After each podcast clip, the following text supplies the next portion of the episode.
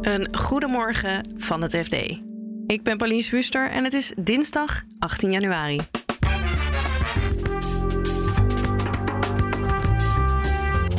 Unilever wilde met een miljardenovername de kritiek op het bedrijf smoren. Maar het bod was te laag. Het jaarcijferseizoen begint morgen. Wij blikten alvast vooruit en zien dat bedrijven zich stevig hebben hersteld na coronajaar 2020. En we zoomen in op ASML. Het Veldhovense bedrijf is ondanks mooie resultaten toch kwetsbaar, omdat ze afhankelijk zijn van toeleveranciers. Dus als er op de plek waar zo'n onderdeel gemaakt wordt iets gebeurt, dan kan dat de productie van ASML's machines behoorlijk doen vertragen. Dit is de dagkoers van het FD. Unilever wilde 60 miljard euro neerleggen om de consumententak van GlaxoSmithKline over te nemen. Te vergeefs, want dit weekend werd bekend dat GSK het bod te laag vond. Jan Braaksma is FD-redacteur detailhandel en legt uit waarom Unilever het onderdeel zo graag wil. Een van de dingen die Unilever wil is heel hard groeien in het segment persoonlijke verzorging, beauty en, en gezondheid. Nou, dit onderdeel van, van uh, GlaxoSmithKline maakt tandpasta, dus onder andere de Aquafresh en, en Parodontax. Nou, dat valt onder het kopje persoonlijke verzorging. Ze maken ook uh, vitamines, Centrum. Dus uh, van heel veel producten die dit onderdeel maakt, wil Unilever in, in groeien. Dus wat dat betreft past het perfect. En het, het onderdeel van GSK is niet zo groot in opkomende markten. Unilever wel. Dus Unilever denkt ook, nou, dat kunnen wij mooi, die producten kunnen wij mooi daar naartoe brengen, naar de opkomende middenklasse in bijvoorbeeld India. Hoe meer die te besteden hebben, hoe meer die gaan uitgeven aan tandpasta en dat soort dingen. Dus daar liggen nog wel wat groeikansen ook. En het was ook een beetje, uh, proef ik uit jouw artikelen, een poging om de kritiek op Unilever te smoren. Ja, Unilever heeft de afgelopen maanden best wel wat uh, kritiek gehad van uh, beleggers, van analisten. Beleggers die zijn een beetje ontstemd dat de koers achterblijft. Uh, dus, dus als je kijkt, hoe heeft, Uni, hoe heeft het aandeel Unilever het afgelopen jaar gedaan ten opzichte van de concurrentie? Dan blijft Unilever achter bij bijvoorbeeld Danone en Nestlé. Nou, dat vinden beleggers nooit leuk, want uh, ja, dat is hun, uh, ze, ze, hebben juist in Unilever uh, hun geld gestoken omdat ze denken dat het bedrijf het beter doet dan de concurrentie. En ehm, analisten zeggen ook, ja, dat is op zich verklaarbaar, want Unilever heeft niet heel veel producten meer waarmee ze zich echt onderscheiden van de concurrentie. Dus concurrentie is misschien wat innovatiever, daarom groeien die sneller en daardoor doet hun koers het beter. Dus er is best wel wat werk aan de winkel bij Unilever. Nou, vaak kun je dat. Uh, uh, een, een, grote overname is een manier om het bedrijf om te gooien. of om de strategie een beetje om te gooien. En daarmee ook de, de, ja, de kritiek even te doen verstommen. Ja, maar dat is niet gelukt. nee, dat is mild uitgedrukt. De koers is behoorlijk omlaag gegaan nadat het bekend werd. Procent, procent of 6, 7. Uh, dat is wel een teken dat uh, de beleggers er niet zo, uh, niet zo tevreden mee zijn. Want het is een behoorlijke beweging voor een over het algemeen toch wel stabiel aandeel als Unilever. En ook de analistencommentaren die ik, die ik heb gelezen, die, eh, ja, die, die zijn behoorlijk kritisch. Dus een zegt zelfs, ze vindt het een heel slecht idee. En als Unilever het zou doorzetten, dan vernietigen ze ongeveer 12 miljard aan aan uh, aandeelhouderswaarde. De ander zegt: Ik zie de logica niet, niet op strategisch gebied, niet op operationeel, niet op financieel gebied. Dus er is uh, behoorlijk wat kritiek. En het gaat nu niet meer zozeer over de bedrijfsvoering van Unilever, de kritiek, maar meer over: moet je dat nou allemaal gaan doen? Uh, terwijl je zelf intern op dit moment ook wel best wel wat werk aan de winkel hebt. Nou, het antwoord van beleggers en analisten lijkt nee te zijn. Hoe groot acht je eigenlijk de kans dat dit daadwerkelijk wordt doorgezet? Want Unilever zegt dan in een strategie-update: Nou ja, wij vinden het een heel goed idee. Um, kunnen we daaruit afleiden dat ze hiermee doorgaan? Of is er ook een kans dat uh, na deze negatieve reacties denken: Nou, laat maar? Ze zullen zeker dit soort uh, reacties meewegen. Tegelijkertijd zijn er nu ook alweer geluiden dat uh, Unilever met financiers zoals banken aan het praten is. Of die misschien wat meer geld willen lenen om het bod nog wat te verhogen. En uh, wat ook wel vaak is met dit soort uh, uh, plannen, als het eenmaal in het hoofd zit van de mensen aan de top, is het. en die hebben er veel werk in gezeten. Iedereen binnen het bedrijf heeft daar gewerkt. Ze hebben nu hun hoofd op het hakblok gelegd door daadwerkelijk zo'n bod van 60 miljard te doen. Dat is ook behoorlijk veel geld natuurlijk. Het zou de grootste overname in de geschiedenis van Unilever zijn. Dan is het best wel lastig om daar heel snel weer afscheid van te nemen. Tegelijkertijd zijn de reacties nu zo negatief dat ze, uh, ze zich ook wel eens op het achterhoofd zullen krabben of dit daadwerkelijk een goed idee is om door te zetten. Dankjewel Jan. Dat is graag gedaan. De komende weken druppelen ze weer binnen, de jaarcijfers van de Nederlandse beursgenoteerde bedrijven. En ondanks onzekerheden en lockdowns herstelden ze zich stevig van de coronacrisis. Dat blijkt uit een analyse van de verwachtingen van analisten van de 50 bedrijven in de AEX en de Midcap. Gedaan door onder andere Lennart Sandbergen, FD-redacteur Financiële Markten. kwart van het jaar zijn de cijfers eigenlijk al bekend. Uh, nou ja, en ondertussen weten die analisten ook wel ongeveer van, nou, in dat laatste kwartaal zal het er ongeveer zoveel zijn.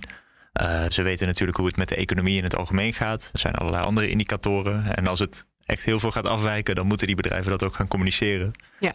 Eerder nog dan dat ze met die cijfers komen. Dus uh, daar zijn ze best wel zeker in. Is het dan nog wel spannend, de jaarcijfers? Ja, maar eigenlijk niet uh, om wat er over afgelopen jaar wordt gezegd, maar vooral vooruitblikkend. Waar beleggers en analisten heel erg naar kijken is van oké, wat gaan die uh, CEO's nou vertellen over wat ze van het komende jaar verwachten? Wat verwachten ze nou dat de grote uitdagingen worden? Wat worden problemen? Um, en dat zegt al heel veel over uh, nou ja, de cijfers van het komende jaar. Ja, en dan kan ik me voorstellen dat inflatie misschien uh, ter sprake komt. Ja, inflatie is natuurlijk een heel groot thema. Uh, wat je een beetje ziet is dat sommige bedrijven kunnen heel makkelijk zeggen van nou, onze inkoopprijzen die zijn 10% omhoog gegaan. Dus afnemers moeten ook 10% meer betalen. Ja. Maar bijvoorbeeld, uh, nou ja, een Ahold Delhaize, de supermarktketen, die kan dat misschien wat moeilijker doen. Omdat dan klanten zoiets hebben van, nou, naar een andere supermarkt die dat wat minder doet. Het andere ding uh, lijkt me naast de inflatie, dat personeelstekort, dat is een uh, grote zorg. Ja, het hangt een beetje van de, van de branche af natuurlijk. Maar je ziet nu eigenlijk dat er in allerlei sectoren echt wel tekort is aan personeel. En dan gaat het zowel om hoogopgeleid personeel.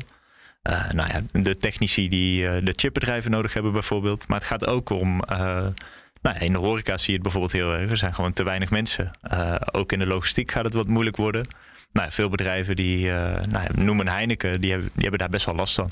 En de eerste is volgens mij ASML. Ja, daarvan wordt in de hele markt verwacht dat worden supergoeie cijfers weer. Uh, ja, dat bedrijf heeft het zo goed voor elkaar eigenlijk. maar dat geldt ook voor de andere chipbedrijven. Dus je hebt BC en ASMI nou ja, die zitten een beetje in dezelfde sector. En er zijn zoveel chips nodig in uh, allerlei sectoren dat uh, zij het vrij goed voor elkaar hebben. Dankjewel, Lennart. Graag gedaan. Je kunt denken dat dat bedrijf onaantastbaar is. We hebben een technologie die verder niemand anders kan maken. Alles wat ze aanraken lijkt in goud te veranderen. Beurskoers enorm hoog alles gaat altijd alleen maar goed. Sandra Olshoorn volgt voor het FD ASML. En volgens haar is de chipmachinemaker ook kwetsbaar. Dat zagen we toen begin dit jaar een brand uitbrak bij een fabriek in Berlijn. Waar een onderdeel wordt gemaakt voor de ASML-machines. Die brand laat zien is dat ASML wel degelijk een Achilleshiel heeft. En dat is het feit dat de machines die ze maken bestaan uit hele bijzondere onderdelen. die bij verschillende bedrijven of bedrijfsonderdelen worden gemaakt. en waar ASML geen alternatief voor heeft. Ja. Dus als er op de plek waar zo'n onderdeel gemaakt wordt iets gebeurt, bijvoorbeeld een brand, dan kan dat de productie van ASML's machines behoorlijk uh, doen vertragen. Dit gaat dan om de EUV-machine uh, waar dit onderdeel uh, voor is? De EUV-machine wordt gemaakt in Veldhoven bij ASML zelf. Ja. Maar die bevat een heleboel onderdelen. Uh, en de brand was in um, een onderdeel, een fabriek, ASML Berlin en wat daar gemaakt wordt, dat heet de wafer clamp. Dat onderdeel zorgt ervoor dat de wafer, dat is de plaat waarop in de machines van de ASML chips worden geprint. Ja. Die wafer, daar komt tijdens dat productieproces enorme krachten op te staan. En de wafer clamp, die in deze fabriek wordt gemaakt, die zorgt ervoor dat die uh, wafer op zijn plek blijft liggen. Ja. Dat schijnt uh, hoogtechnologisch uh, uh, spul te zijn. En zo belangrijk voor ASML dat die ook het bedrijf waar dit gemaakt werd in 2020 heeft gekocht. En ik begrijp, hoe meer informatie er kwam, hoe zenuwachtiger mensen eigenlijk werden. Ja, er zijn twee persberichten geweest. Eentje was de dag na de brand. Dat was maandag 3 januari, zeg ik even uit mijn hoofd. Um, dat was een bericht. Er is een brand en we weten het allemaal nog niet. En aan het einde van de week kwam een persbericht waarin stond dat de uh, schade bij de EUV nog precies moest worden vastgesteld. Ja. ja dus we weten eigenlijk nog steeds niet zoveel. En dat um, uh, bij de presentatie van de jaarcijfers, wat dus woensdag is, dat er dan een update geworden, gegeven zou worden. Ja. Uh, waarbij ook wel interessant is dat bij die presentatie het hoofd van de EUV-divisie aanschuift. En dat is normaal niet iemand die daarbij is. En is dit dan ook het, uh, het grootste risico, het belangrijkste waar je op gaat letten? Of zijn er nog andere dingen die nou ja, misschien kunnen tegenvallen of meevallen? Nou, ik verwacht wel dat dit het meest uh, spannende wordt. Waarbij ook nog steeds is aangetekend dat zelfs als het betekent dat de productie van uh, EUV-machines vertraging oploopt, dat dat vooral zal betekenen, waarschijnlijk, dat ASML omzet gewoon pas later kan schrijven. Uh, er is wel eens eerder een brand geweest die tot vertragen bij een ander onderdeel weer van een andere toeleverancier. Uh, die er ook voor zorgde dat de, de productie uh, langer duurde. Dat kostte ASML toen in één kwartaal 300 miljoen omzet. Nou, een enorm bedrag. Maar dat kwam gewoon later in het jaar wel weer goed. Ja. Klanten hebben gewoon geen alternatief voor die machines. Dus dat betekent gewoon langer wachten. Verder verwacht ik van die cijfers dat het traditiegetrouw bij ASML allemaal niet op kan. Dankjewel, Sandra. Jo.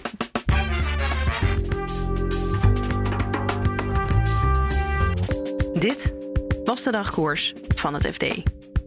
Morgenochtend is dagkoers weer te vinden in je favoriete podcast-app. Ondertussen lees je op fd.nl meer over deze onderwerpen en volg je het financieel-economisch nieuws. Een hele fijne dag en tot morgen.